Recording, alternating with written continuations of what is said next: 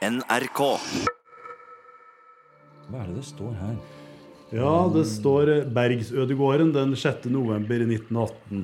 Kristoffer Torgersen Ødegården ved verge giver Ja. seg den ære at anmode herr Reinhard Storbråten med familie om at heder mine avdøde foreldre Mathilde og Torgers minne ved at ledsage deres jordiske levninger til graven. I En begravelsesinvitasjon med engel og kors, respektfullt tatt vare på gjennom 100 år, tar oss rett inn i de mange personlige tragediene som rammet tusenvis av familier over hele landet og millioner over hele verden noen få høstmåneder i 1918. Det er konservator Knut Ola Storbråten på Kongsvinger museum som viser fram invitasjonen skrevet med påholden penn for en liten gutt som nettopp hadde fått begge sine foreldre og sin søster revet bort i løpet av kort tid. Ja, denne familien her, den dedde med kun jeg tror det var tre dagers mellomrom. Har du hørt om Hagen? Og denne, denne overlevende lille sønnen, da, som har gjennom sin verge Han inviterer nå da til samvær ved begravelsen, ja. Og den skal skje, står det der. Lørdagen den 9. november 1918. Og i siden følger hjem til mine pleieforeldre. Ja. Ført på da uten bekostning underst. ja, det står det faktisk, ja. Og denne stakkars Kristoffer Torgersen han døde jo bare et par år etterpå til en annen epidemi, så da var hele familien utryddet. Og denne har da blitt tatt vare på? Ja, denne har eh, familien tatt vare på i alle år. Ja. Og vi har eh, et, eh, en annen godbit, hvis en skal kalle det det. Eh, Og det er da begravelsesprogrammet til distriktslege Samson Skjerveims begravelse. Eh, Og det er kun brettet én gang, ser du, så den er tiden ytterst godt vare på da i 100 år. Ja. Og den ene gang den er brettet, det er for å komme på innerlomma i en mørk dress. Antageligvis er det det. ja. Spansken kan den komme igjen, heter utstillingen på Kongsvinger museum. Den tar for seg den verdensomspennende pandemien som fenomen, og konsentrerer seg om hvordan spanskesyken slo til på lokalt nivå. Det handler om familiehistorie, død og fordervelse. Og museet har brukt lokale kilder, som gamle årganger av Hedmarkens Amtstidene og Innlandsposten, og ikke minst medisinalberetninger fra distriktslegen og nedskrevne folkeminneberetninger fra tiden rundt første verdenskrig. Fortellingen er uhyggelig og detaljert.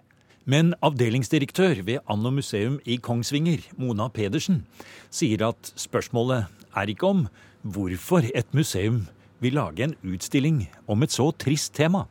Jeg vil vel kanskje snu på det spørsmålet og si at det rare er jo ikke at vi gjorde det. Fordi spanskesjuken var jo overalt. Og det var en kjempetraumatisk erfaring og opplevelse for de som sto oppi det. Så det som kanskje er litt rart, er at ikke flere museer har en markering av 100 år siden spansken i år. Um, og ellers så tror jeg kanskje at uh, Ola var jo den som egentlig hadde ideen. Ja, Så, Ola, eh, Ola Storbråten, du står her du også foran et svær plakat med 'Spansken'. Kan den komme igjen? Og vi ser dessverre her at det er reklame for likkister. Og det er bilde av et eh, dødt barn og en sykeseng. Det er et tragisk tema, dette her. Det er et kjempetragisk tema, og det sier jo folk som kommer hit. Da vi har jobbet med å lage den utstillingen, så har vi eh, av og til blir vi nesten litt like entusiastiske da vi ser oi, enda et dødsfall med av spanskesjuken. Men eh, det er klart at ja, det var kjempetraumatisk for alle som opplevde som levde i denne forferdelige tida. Det var en fryktelig tid, rett og slett. Var dere ikke redd for, Mona, at det, det å ta opp et tema som er så fullt av død og elendighet og sykdom, ville bli et vanskelig tema? Um, jo, på én side så var vi jo klar over det. Uh, og vi har jo snakka om, om dette før med hvordan Um, altså, synet på døden som fenomen på en måte er blitt veldig sånn tabubelagt i vår tid. Og at eh, i, i tidligere tider så døde jo folk yngre. Altså alle dør jo, så man kan ikke si at de døde oftere. Men, Nei, men de døde jo også hjemme. de døde hjemme, de døde yngre. Det var liksom ikke gitt at alle barna dine vokste opp. Ehm, sånn at det som kildematerialet viser oss, er jo at uh, Altså, sorgen er jo like stor, men man har en mer hverdagslig omgang med det. Sånn som vi har forsøkt å vise her ved f.eks. Eh, reklameplakaten for likkistene. Eh, du kan få de både i sort og hvit, og det føres på eget lager på konkurransedyktige priser. Og lignende annonser finner du jo for sørge, antrekk, klær, altså utstyr. Og dette med at folk døde hjemme. De lå på likstrå hjemme, ute i bua. Um, På låven. og på låven. Ja. Men så var det det, Ola, det å finne sporene etter denne pandemien som rystet så mange mennesker, også i dette distriktet, over hele landet, over hele kanskje verden. Hvordan gikk dere fram da? Da tok vi utgangspunkt i dem vi visste hadde vært i ramme. Eh, En del av oss hadde familiemedlemmer og slik som hadde vært borte i spanskesjuken. Og så tok vi kontakt med etterkommere, hvis det fantes, og familiemedlemmer Ute i felten. ute i felten. Ja da. Ja, vi brukte jo også moderne medier. Vi gikk jo ut på Facebook bl.a. og etterlyste ganske åpent i sånne lokalhistoriske grupper eh, om noen visste om, om, noe hadde, om noen hadde noe. Eh, så det var jo gjennom det at vi fikk mye respons på, også på de gjenstandene vi kan vise. Altså Ser vi dette på et globalt fenomen først, så, så er det jo da et sted mellom 50 og 100 millioner som dør. Det er muligens da et sted mellom fem og ti ganger flere som døde av influensa og lungebetennelse i 1918 og 1919 enn det som døde under første verdenskrig.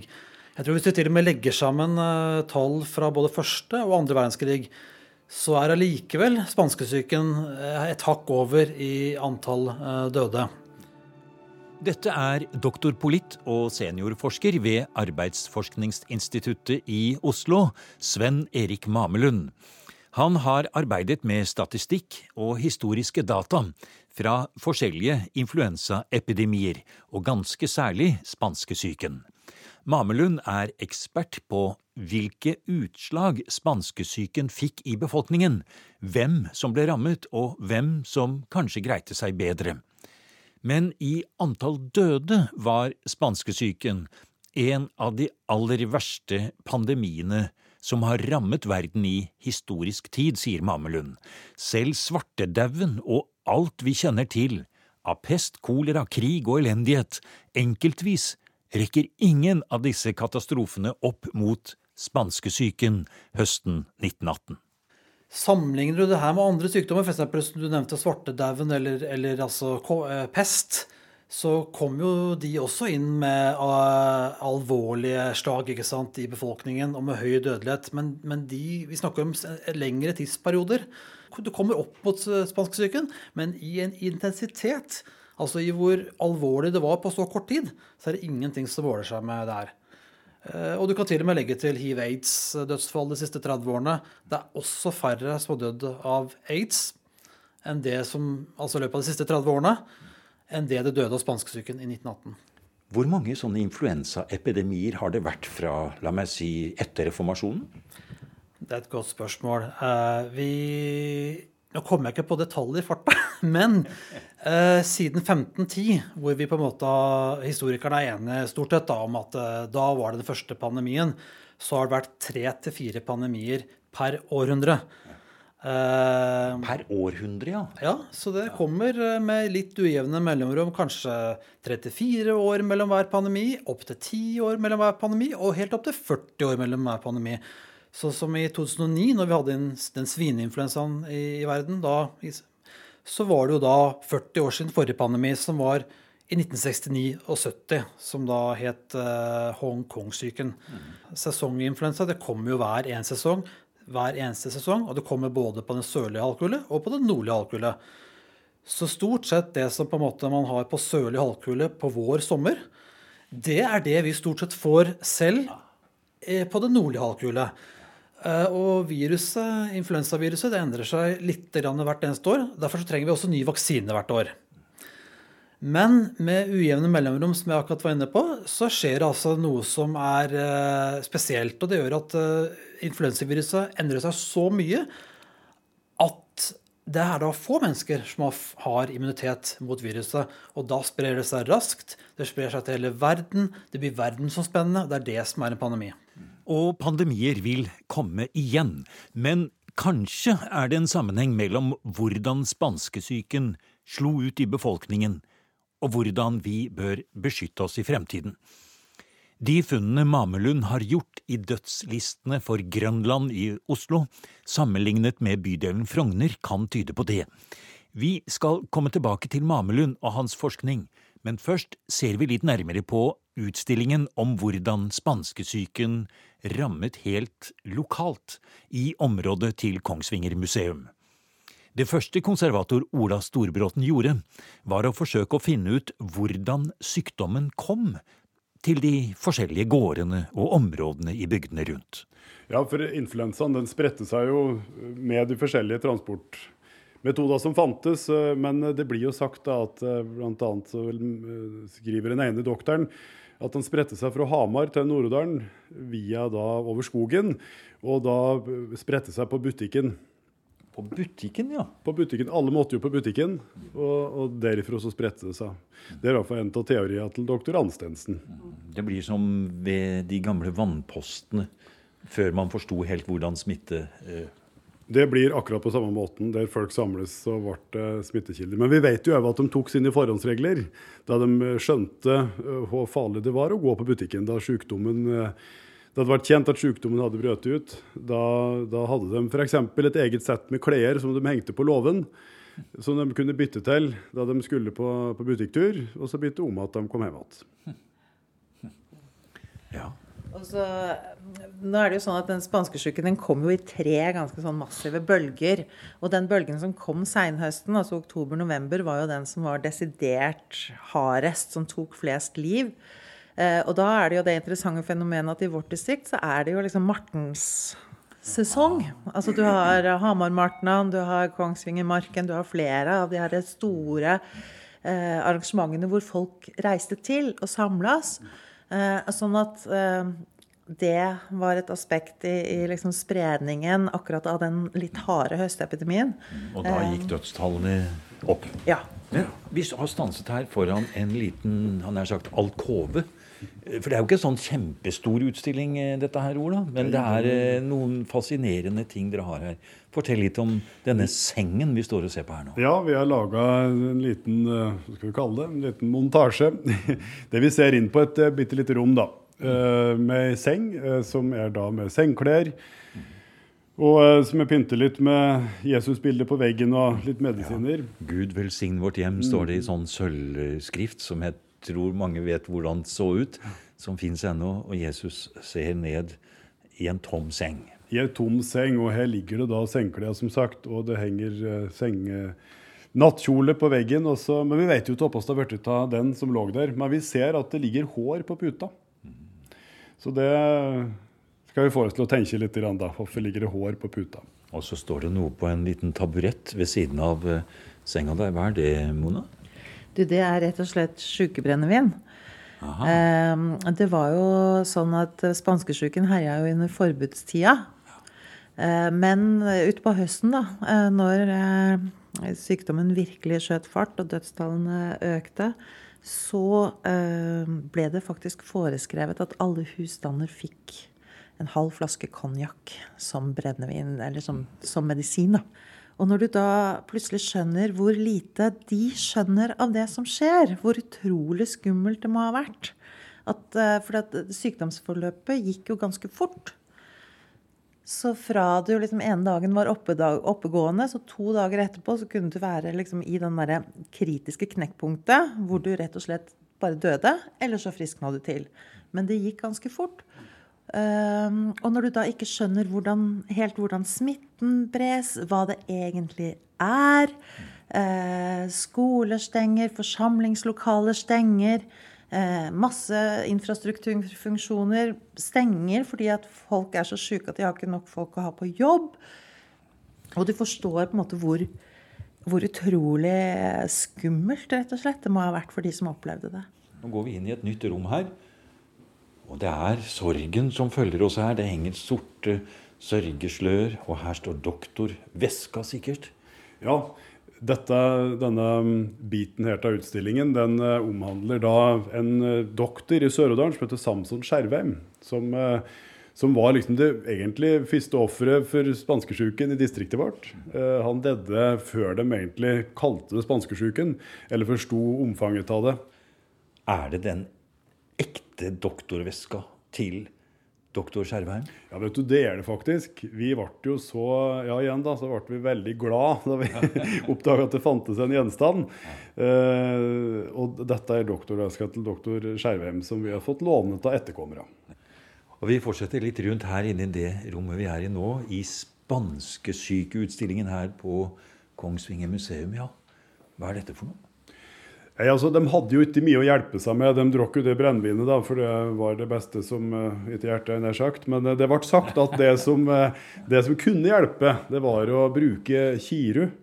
Og ha kiru, da, altså tjære, ja, i ei gryte på ovn, slik at dampen fylte rommet og beskytte da mot, mot viruset. Mm. Ja, ja, lukk opp, altså. Ja, jeg kan lette opp, vet du, så kan vi lukte. Mm. Oh, nydelig. Ekte trekjerre. Ja, den er ordentlig. Den er faktisk laga på Odarstuen òg, så den er veldig fin. Den var veldig god lukt, ja. ja. Det forstår jeg godt. Ja, Den var fantastisk. Vi setter på Vi korken på, på kjerra igjen, for den vil du gjerne beholde ja, så mye som mulig. Ja, Vi går rundt her og kikker og ser, og her er det en helt spesiell gjenstand. Eh, Mona, den står bak et, en stor egen monter. Den, dere, den, har dere virkelig beskyttet spesielt. ja, dette er vel eh, Det er jo en gjenstand som vi også nok en gang har fått låne av etterkommere. Mm -hmm. eh, som eh, man kan se, så er det jo en nydelig dåpskjole. Og historien bak eh, denne dåpskjolen er jo at det var da ei ung dame, Marie, som eh, var forlovet og skulle gifte seg. Og så ble eh, familien hennes i Hausmarka, der hun kom fra, ble sjuk av spansken. Eh, så Marie dro hjem for å, å pleie familien, og da ble jo også Marie smitta. Eh, og dessverre så døde Marie.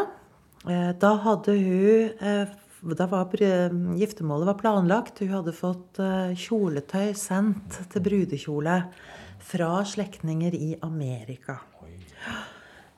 Eh, men dessverre så ble det jo ingen verken noe bryllup eller noe brudekjole på Marie. Men familien satt jo da med kjolestoffet eh, og lurte på hva de skulle gjøre med det.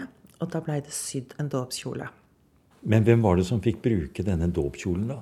Du, det er jo uh, slektninger etter Marie. Uh, og den var eh, i flittig bruk. Eh, jeg har ikke akkurat tallet på, men jeg tror mer enn 50 barn i slekta ble døpt i, i denne For en fantastisk historie.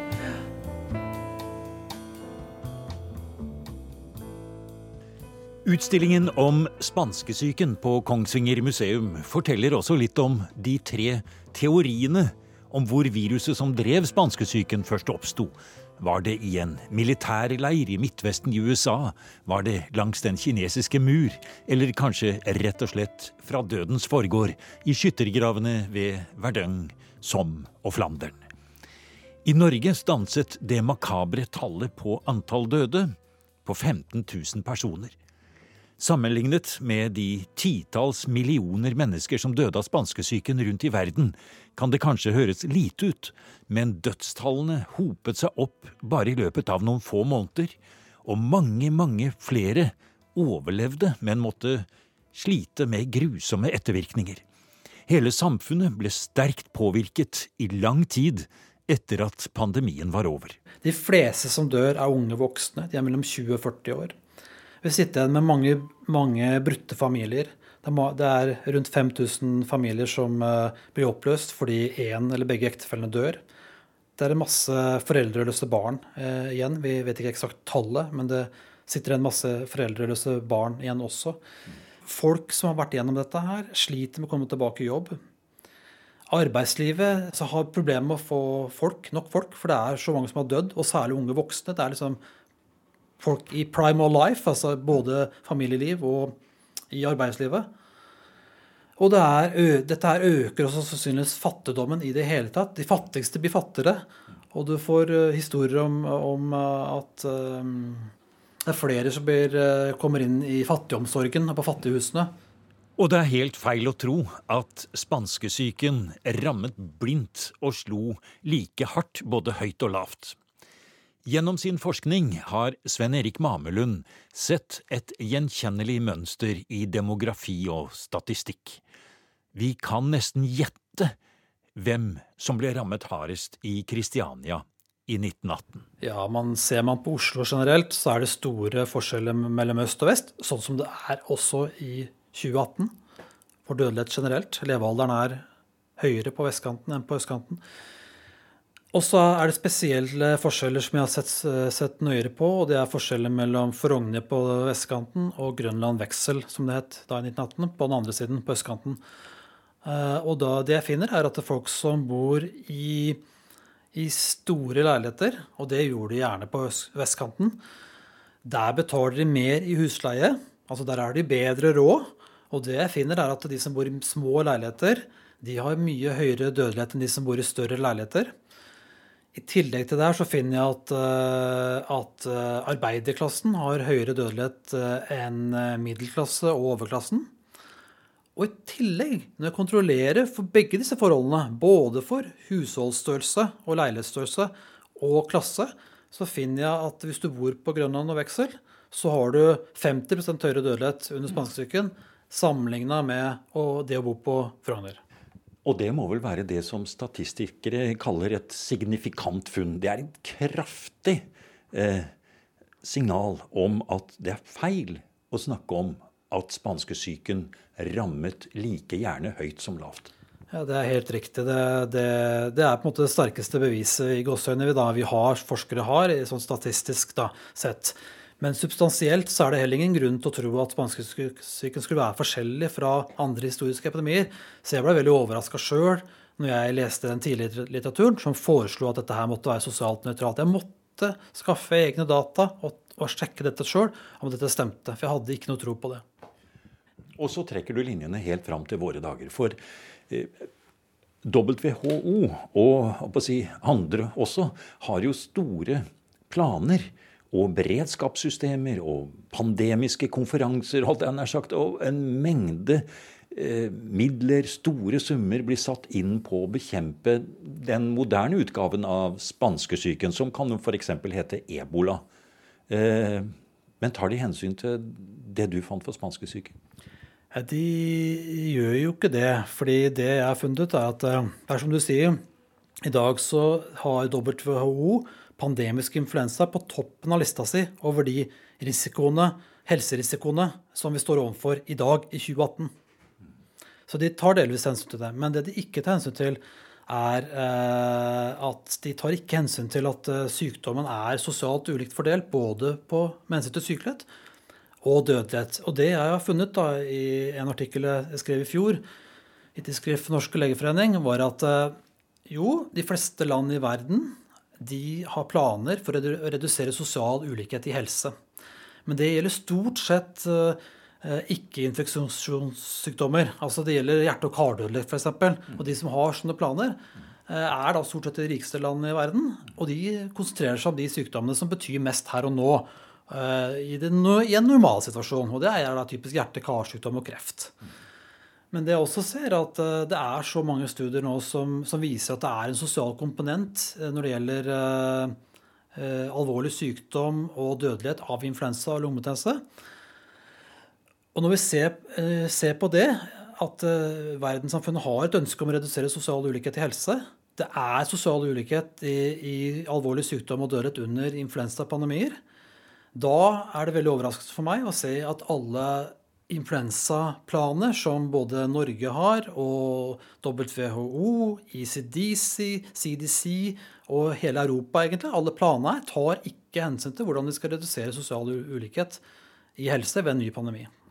Så hvis man skulle trekke, etter din oppfatning, eh, en historisk lærdom av spanskesyken, da, så måtte det være at eh, de som trenger vaksine, stedene hvor det skal settes inn tiltak, det er i de fattigste landene. Det er i de svakeste delene av befolkningen, slik som du ser det da, eller? Helt riktig. Det, jeg tror det at ved en ny pandemi så vil vi kunne redusere ikke bare alvorlig sykdom og død, altså redusere dødsfallene, men vi vil også kunne redusere sosial ulikhet i helse og helseutfall under pandemier. Om vi eksplisitt tar hensyn til sosial ulikhet i helse, hvilket vi i dag ikke gjør. Og dette er en lærdom du trekker av din forskning på spanskesyken. Ja, det er det. Og jeg, og jeg tenker at det, det, man gjør i dag, da, er, at det, er at man har anbefalinger som jeg kaller biomedisinske. Man sier at det er høyrisikoaldersgrupper, og det er jo riktig, de bør eh, ta vaksine. Det er gravide, og det er folk som er syke fra før av. Men så sier jeg det at eh, en gravid kvinne er ikke den samme. Den er, en gravid kvinne er ikke lik overalt.